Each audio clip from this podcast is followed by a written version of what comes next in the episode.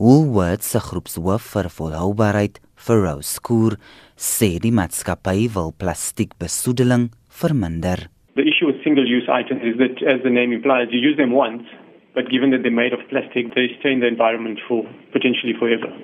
And uh, the way items are disposed of nowadays, they tend to find themselves their, their way into our waterways, into the environment, and where they break down, harmful to wildlife, uh, cause pollution and that kind of thing. And so we, we're trying to cut down on that. Hy sê plastiek strooitjies word reeds nie by sekere winkels verkoop nie. We've started with cutlery and straws already in our Now Now stores, which is our new convenience format stores.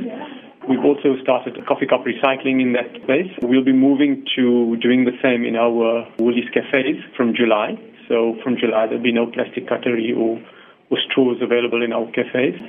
The cutlery and straws and earbuds and so on must, before the year is out, all of them will be phased out and we'll, we'll have paper or wooden equivalents. Plastiek sakke sal teen 2020 nie meer in winkels beskikbaar wees nie. And our plastic bag trials will start in approximately two or three months' time.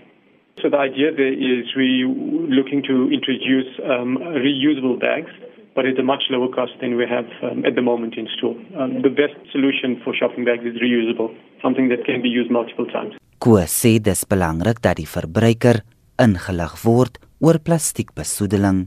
A big thing that we need to do here is to take customers on a journey with us and to encourage behavior change. The general population need to change how they view plastic and how they use it and um, how they dispose of it to be a bit more responsible in that way. Dit was al wat se groepshoof vir volhoubaarheid vir Roskoor.